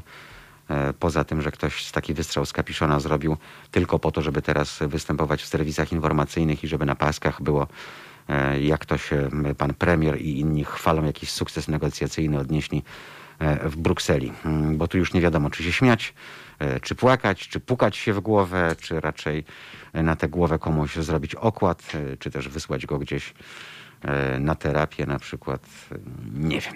Wiemy za to i mówimy o tym od, od kilku tygodni, że po nowym roku nie będzie lekko, jeśli chodzi o nasze portfele. To znaczy, będzie lekko, bo te portfele będą coraz lżejsze, a to oznacza, że coraz więcej z nich będzie wypływało. No, tak to wy, wygląda, że co roku są jakieś podwyżki. Teraz w związku z pandemią tych podwyżek będzie więcej, no bo trzeba przecież jakoś tę kasę odzyskać dla budżetu państwa. Kasę, która potem będzie redystrybuowana, miejmy nadzieję, że mądrze z naciskiem na mądrze, a nie tak jak e, na przykład dla samorządowców, którzy są lojalni wobec Prawa i Sprawiedliwości. Reszta niech sobie zjada szczafi i mirabelki, jak mawiał, jak mawiał klasyk. Zachęcam Państwa do zajrzenia na Okopres, y, bo tam moja koleżanka z pracy z Rzeczpospolitej, y, wybitna specjalistka w dziedzinie energetyki, y, górniczka, bo widziałem ją kiedyś nawet w mundurze. Karolina Baca-Pogorzelska, to nazwisko mówi wszystko, to jest absolutny numer jeden, jeśli chodzi o energetykę w kraju. Drożeje prąd, tłumaczymy dlaczego, znacznie więcej niż ogłosił Urząd Regulacji Energetyki. E, A URE, przypomnijmy, e, zgodził się na niewielką podwyżkę mm, dla gospodarstw. To jest e, złotych 50 miesięcznie. No i jak Państwo myślą, psz, prawda? Złoty 50. No brzmi nieźle, ale jednak pełna opłata za prąd wzrośnie i to dla większości gospodarstw nie o złoty 50, tylko o kilkanaście złotych. Karolina Baca-Pokarzelska tłumaczy, jak to jest możliwe. E, A możliwe to jest e, w ten sposób, e, że Karolina liczy tutaj, jak wygląda domowy rachunek. 26 listopada napisaliśmy, że według naszych szacunków statystyczne gospodarstwo powinno się spodziewać miesięcznie kilkunastu złotych więcej za rachunki za prąd. I tak też będzie. Skoro URE dał zielone światło na złoty i 50 groszy, to dlaczego będzie więcej? E, Zacznijmy od tego, że na fakturze, której poszczególne pozycje dla większości z nas są czarną magią, znajduje się kilka rodzajów opłat. Ta, którą szef URE zatwierdził trzem spółką, to opłata za energię, a konkretnie za realne zużycie pomnożone przez cele kilowatogodziny. Już jest nudno, ja wiem, ale jeszcze chwila cierpliwości. Na tym kończy się opłata za prąd jako prąd w naszym rozumieniu. I to w tej pozycji od stycznia możemy spodziewać się złotówki i 50 groszy więcej. Chyba, że nie znajdujemy się w grupie taryfowanej, a tak może być, gdy na przykład jesteśmy klientem stołecznego e, Innoji lub e, gdy mamy umowę wieloletnią z gwarantowaną ceną energii. W takiej sytuacji jest, jak się okazuje, 40% gospodarstw domowych w Polsce. No i wtedy opłata abonamentowa, e, opłata za odnawialne źródła energii na 2021 rok prezes URE ustalił ją na poziomie 2 zł 20 groszy za kilowatogodzinę, więc e, za me megawattogodzinę, przepraszam, zgodnie z danymi URE przeciętne gospodarstwo domowe zużywało e, 1777 kWh rocznie, więc niespełna e, 1,8 MWh. W 2020 roku ta opłata wynosiła 0. E, Teraz już ta opłata będzie i to będzie spora. 10 grudnia e, wystąpiło w krajowym systemie elektroenergetycznym rekordowe najwyższe w historii zapotrzebowanie. Moc 26 817 megawattogodzin. E, Poinformował o tym czwartek operator sieci PSE, czyli polskie sieci elektroenergetyczne. To jest to wszystko, co sprawia, że prąd do nas płynie. I teraz y, okazuje się, że kwotę określa przepisami Ministerstwa Środowiska i Klimatu. I decyzję o zerowej stawce podjęło 23 listopada. E, Stawka wynosiła kolejne złoty 39, a więc e, tu mamy akurat e, obniżkę. Ale dochodzi nowa opłata do tego wszystkiego, zwana opłatą mocową. No i to właśnie ta opłata będzie miała znaczący wpływ na nasze rachunki. Z opłaty mocowej doliczanej zarówno do rachunków gospodarstw domowych, jak i wszystkich pozostałych odbiorców energii będzie to koszt 76,20 e, za energię pobieraną za megawattogodzinę oczywiście, za energię w godzinach szczytowych. Rząd chce zebrać w przyszłym roku, uwaga, 5 miliardów 600 milionów złotych i podobne kwoty w latach kolejnych. E, O, tak to więc e, wychodzi. No i w, jak w każdej takiej sytuacji, prawda? Mm, Kto zapłaci? No pan, pani, ja. Po prostu mm, wiadomo, że nie zapłacą tego zakłady energetyczne ani wytwórcy. A więc tak, podsumowując, złoty i 87 groszy. E, raz e, dla zużywających poniżej 500 kWh, 4,48 dla widełek 500-1200 e, i najwyższa stawka tam prawie 7,50 dla tych, którzy pożerają tego prądu więcej niż 1200 kWh, no i 10 zł dla absolutnych rekordzistów od 2800 kWh. Oznacza to, że realnie wzrost tej energii na rachunku proszę się spodziewać kilku 12 złotych. E, kilkanaście złotych razy 12 to już jest konkretna kwota, bo do tego Państwo sobie dodadzą też opłatę za gaz, za wodę, za śmieci, e, która zszokowała ostatnio wszystkich, prawda, i tak dalej, i tak dalej. W skali roku to są setki złotych, e, jeśli nie tysiące, jeżeli ktoś zużywa i pobiera dużo. Nowy rok niezbyt optymistyczny, jeśli chodzi o nasze domowe budżety, ale tym lepiej dla państwa, bo to też posłuży e, temu, by państwo lepiej się e, orientowali e, w zasadach obliczania tego wszystkiego. Ergo słuchali na przykład we wtorki Halo Pieniądz, bo tu tłumaczymy, co z czego wynika i dlaczego i co zrobić, żeby ten budżet się spinał, bo im mniej tych pieniędzy mamy, tym racjonalniej trzeba to wszystko robić czasem z ołówkiem i kartką, tak. I nie ma się co śmiać, to są normalne normalne rzeczy, e, a proszę sobie wyobrazić, że oszczędzając, schodząc z jakichś kosztów miesięcznie po kilkanaście, kilkadziesiąt złotych, to są na przykład, nie wiem, e, wyjazdy na Sylwestra e, za darmo raz w roku, albo to są pieniądze ulokowane gdzieś, co w przyszłości stworzy nam odpowiednią poduszkę, jeżeli się okaże, że mm, no, z jakichś powodów nasze przychody miesięczne się, się pomniejszyły. Tak więc teoretycznie machamy ręką drobne kwoty, ale z tych drobnych kwot składa się potem cały, cały budżet. Tu złotówka, tam 5, tu 10. E, Państwo za konta w banku płacą po 20 zł. Niektórzy, co wiem, prosty rachunek, y, kupa kasy rocznie ucieka. Nie wiemy po co, skoro są banki, które oferują y, rachunki za 0 zł, prawda? Tylko trzeba po prostu dopasować sobie rachunek do naszych potrzeb. E, Czyli czy robimy przelewy, e, czy nie robimy przelewów, czy tylko trzymamy tam kasę, czy korzystamy z karty i tak dalej, i tak dalej. Do wszystkiego trzeba niestety, proszę Państwa, podchodzić racjonalnie, bo inaczej e, te pieniądze z nas będą wysysane, a specjaliści od wysysania pieniędzy to dziś bardzo potrzebny, gorący towar na rynku i chodzi nie tylko o cross-selling, ale o, o wszystko to, co sprawia, że wydajemy, wydajemy, wydajemy i to wydajemy coraz, coraz więcej. Już za pięć minut będzie południe.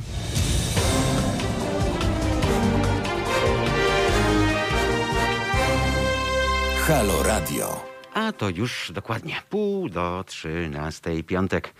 Weekendu początek, drodzy Państwo, i to jest naprawdę dobra, dobra informacja. Mam nadzieję, że przed Państwem teraz dwa dni totalnego luzu, nic nie robienia albo robienia tego, co Państwu przede wszystkim sprawia przyjemność. E, Dziś do końca dnia niestety za oknami dominować będzie e, pochmurna aura z większymi nieco przejaśnieniami, ale to jedynie na południu kraju. Na wschodzie i północy prognozowane są niestety przelotne opady. E, I tutaj uwaga, uwaga, uwaga, Achtung, marznącego deszczu i deszczu ze śniegiem. Państwo wiedzą, co to oznacza. Teoretycznie asfalt szorstki, czarny, e, ale tam taki mikro, mikrofilm, e, czyli prawdziwe lodowisko. Mm, To przy gruncie, bo, bo na wysokości naszych głów będziemy odczuwać od e, dwóch stopni na wybrzeżu. Odczuwamy 4 stopnie Celsjusza są w tej chwili na Mazowszu i najcieplej tradycyjnie mm, na Dolnym Śląsku. Tam termometry pokazują cały czas 5 stopni Celsjusza. Przy tym wiatr jest słaby i umiarkowany i silniejszy na wschodzie z kierunków południowo-wschodnich. Przypomnę Państwu, że trwa nasza migracja z serwisu Patronite na platformę zrzutka.pl, która w odróżnieniu od Patronite'a nie pobiera od nas żadnych opłat i prowizji, a to oznacza, że całość kwoty, którą Państwo wpłacają na zrzutkę, trafi bezpośrednio do nas, zasilając działalność Haloradia. Wszelkie szczegóły znajdą Państwo pod adresem www.zrzutka.pl ukośnik. Teraz czas już powrócić do naszej rozmowy. Pani mecenas Kamila Mizeracka jest z nami. Witam, e, e, witam ponownie e, pani mecenas. E, No, smutno troszkę zakończyliśmy naszą e, pierwszą część rozmowy. E, Jest jakiś, jakaś szansa na, mm, na optymizm, bo wydaje mi się, że jeżeli społeczeństwo nadal pozostanie w takim kręgu odrzuconych, bo takie mam odczucie, że wszystko, cała ta dyskusja, ten dyskurs toczy się właśnie poza, poza nami. Ja wspominałem w mijającym tygodniu, że tak naprawdę to jest jakaś taka wielka, sztuczna gra e, polityków, bowiem ja nie sądzę, żeby, gdyby doszło do nieszczęścia, czyli uchwalenia tylko prowizorium, żeby nawet ci najbardziej pancerni e, wyborcy PiSu, e, czy też Solidarnej Polski, czy też tych wszystkich przybudówek e, prawicowych, żeby oni im to darowali, bo przecież każdy obywatel e, od, nie wiem, od Świnoujścia po e, e, Rzeszów e, zdaje sobie sprawę i widzi, jakie dobrodziejstwa płyną e, z tego, że jesteśmy członkiem tej wspaniałej e, wspólnoty. Tymczasem odnoszę takie wrażenie, że większość ludzi myślała sobie, e, dlaczego to wszystko dzieje się właśnie, właśnie bez nas, czy nasze potrzeby nie są zupełnie brane, brane pod uwagę. Wspominała Pani o tym, e, e, gdy rozmawialiśmy kilka minut temu. Zdecydowanie tak. Szczególnie, że mm, jesteśmy właśnie w gronie państw e, unijnych jednym ze społeczeństw najbardziej prounijnie Mhm. O tym mówiliśmy też tak dzisiaj. Mhm. Tak. jeste- jesteśmy euroentuzjastycznie nastawieni. Tak można powiedzieć. Zdecydowanie tak. I mm, tu pozwolę sobie mm, powiedzieć, że jednak y, jestem zdecydowanie za tym, żeby tę świadomość naszą, y, zarówno społeczną, jak i indywidualną, cały czas pobudzać i podnosić z uwagi na to, że być może mamy trochę tendencję do tego, żeby mm, zapominać, tak? Bardzo łatwo i komfortowo jeździ nam się autostradami, y, które zdecydowanie, w zdecydowanej większości są wybudowane chociażby z dofinansowania właśnie unijnego i pozwalamy sobie o tym poniekąd zapominać, ale absolutnie to tego entuzjazmu nie zmniejsza i czy jest jakieś na to lekarstwo i czy jest jakiś ratunek, y, no musimy teraz chwilę poczekać, bo jednak ma wrażenie, że rząd jakkolwiek w wewnętrznej burzy, to poszedł o tyle po rozum do głowy i weto się nie wydarzyło, bo jednak gorszym wyjściem było to, co zrobić później, gdybyśmy rzeczywiście tych pieniędzy nie dostali. Czyli jak Jak się wytłumaczyć społeczeństwu, krótko mówiąc. Dokładnie. Przedsiębiorcom, którzy Mhm. przecież mają podnieść gospodarkę w tym momencie, zwłaszcza w tak szczególnym czasie jak e, pandemia. No i zwłaszcza, Więc że to przypomnijmy, to są gigantyczne środki, jakich kraj nie widział po prostu. Oczywiście, że tak. To są dziesiątki E, miliardów. Mhm. Tak. E, Więc e, tutaj z kolei e, myślę, że mimo wszystko, pomimo jednak niezawetowania i zgody na to, teraz politycznie ubiera się to w taki sposób, w jaki ubiera i między innymi wczoraj słyszymy od samego premiera Mateusza Morawieckiego, że ten mechanizm warunkujący praworządność, warunkujący wypłatę środków od praworządności został, cytuję, ograniczony precyzyjnymi kryteriami, czyli cały czas widzimy, że to nie jest tak, że to ryzyko na nas nie ciąży. Cały czas widzimy, że ono jest, ale jednak trochę mm, mydli się oczy społeczeństwu, mówiąc poczekajmy. To odsunięcie w czasie, o którym y, się mówi, czyli tak naprawdę rozporządzenie ma wejść w życie od 1 stycznia, ale te dwa lata, y, kiedy ma nie być, y, mają nie być odczuwalne jeszcze skutki mm, tych konsekwencji y, i konsekwencje tego, co się może wydarzyć, no to jest tak naprawdę mm, takie wzięcie telewizora na raty, y, z których to pierwszą płacimy za pół roku, tak?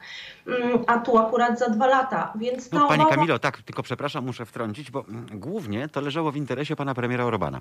E, I to wiemy, bo chodziło o to, żeby e, on e, czysto przeszedł do e, czasu, kiedy będą się na Węgrzech odbywały wybory. E, Natomiast e, mm, tak nieco ironicznie sobie pomyślałem, e, że Unia machnęła na to ręką, bo nawet jeżeli pojawia się ten mm, zapis o 2022 roku, to być może politycy w Brukseli, w Strasburgu pomyśleli sobie, słuchajcie, to nawet nieźle się składa, bo kto wie, kto będzie rządził Polską w roku 2022, a więc na razie, żeby nie robić zamieszania, bo to też jest ważne, jesteśmy naczyniem połączonym tego organizmu unijnego, tej 27.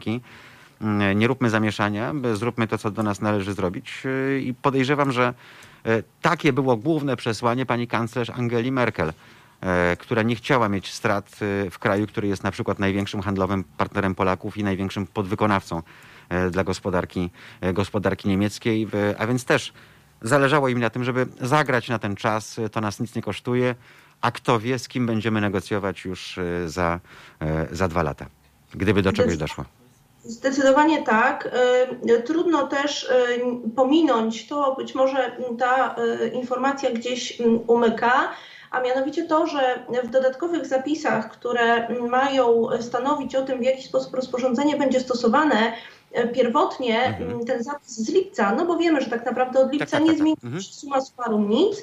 Ten zapis z lipca mm, dotyczący praworządności, on miał trochę wyższą, nazwijmy to wyższą rangę, czy był być może bardziej widoczny. W tej chwili e, w tych zapisach interpretacyjnych mamy zawarte to, ale mówiąc tak wprost troszeczkę niżej, czyli tak naprawdę przyczyną mm, jest to jedną z przyczyn naruszenia tych rządów prawa prowadzących do, do naruszenia z kolei interesów finansowych Unii i stąd mamy teraz politykę wiodącą naszego rządu i narrację, która mówi już nie boimy się prawo, praworządności, bo teraz już e, ten punkt jest skupiony tylko i wyłącznie na finansach, ale jak zejdziemy e, kilka punktów niżej, to tam jest cała lista, która może stanowić przyczynę do naruszenia właśnie polityki finansowej Unii i jedną z nich jest jak najbardziej wciąż naruszenie praworządności.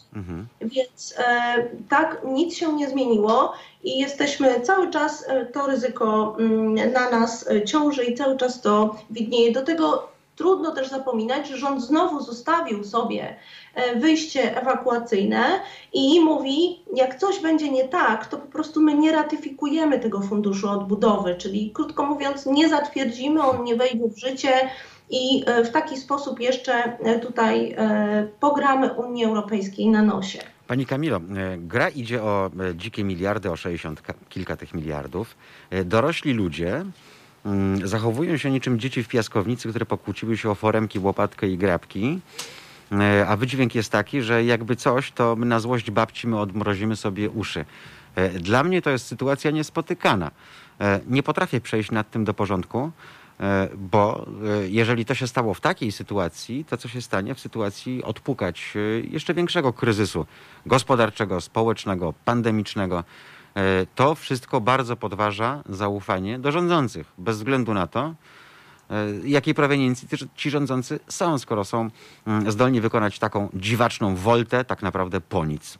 Straciliśmy tylko by dwa tygodnie e, e, na bicie piany. Zdecydowanie tak. Poza tym trzeba wziąć pod uwagę taką faktyczną ścieżkę e, przepływu pieniędzy unijnych do nas. To się nie zdarzy w ciągu tygodnia. Powinniśmy być tego świadomi i każde to opóźnienie działa zdecydowanie na niekorzyść w zakresie odbudowy gospodarki. A jeśli chodzi o stanowisko rządu, no to można sobie wyobrazić, patrząc z lotu ptaka, że po prostu stoi on i y, zasłania oczy i jak małe dziecko mówi, nie ma mnie, nie ma Tak. mnie. Mm, Dokładnie tak jest, przy czym e, trudno też finalnie nie dojść do wniosku, że to jest mimo wszystko dbałość o własny interes, czyli krótko mówiąc, Co do tego nie mamy wątpliwości, Pani Kamil. jeżeli już nas nie będzie, to wtedy nie Po my się będziemy Choćby martwić. potop, tak jest, a im więcej przeszkód potem to pokażemy. Widzicie, my sobie radziliśmy, tam ci przyszli sobie nie radzą. Kamila Mizeracka, Pani Kamilo, bardzo, bardzo dziękuję za naszą dzisiejszą rozmowę. Życzę miłego Ja weekendu. również, ja również dziękuję, miłego weekendu dla Pana, dla Państwa. Dziękujemy.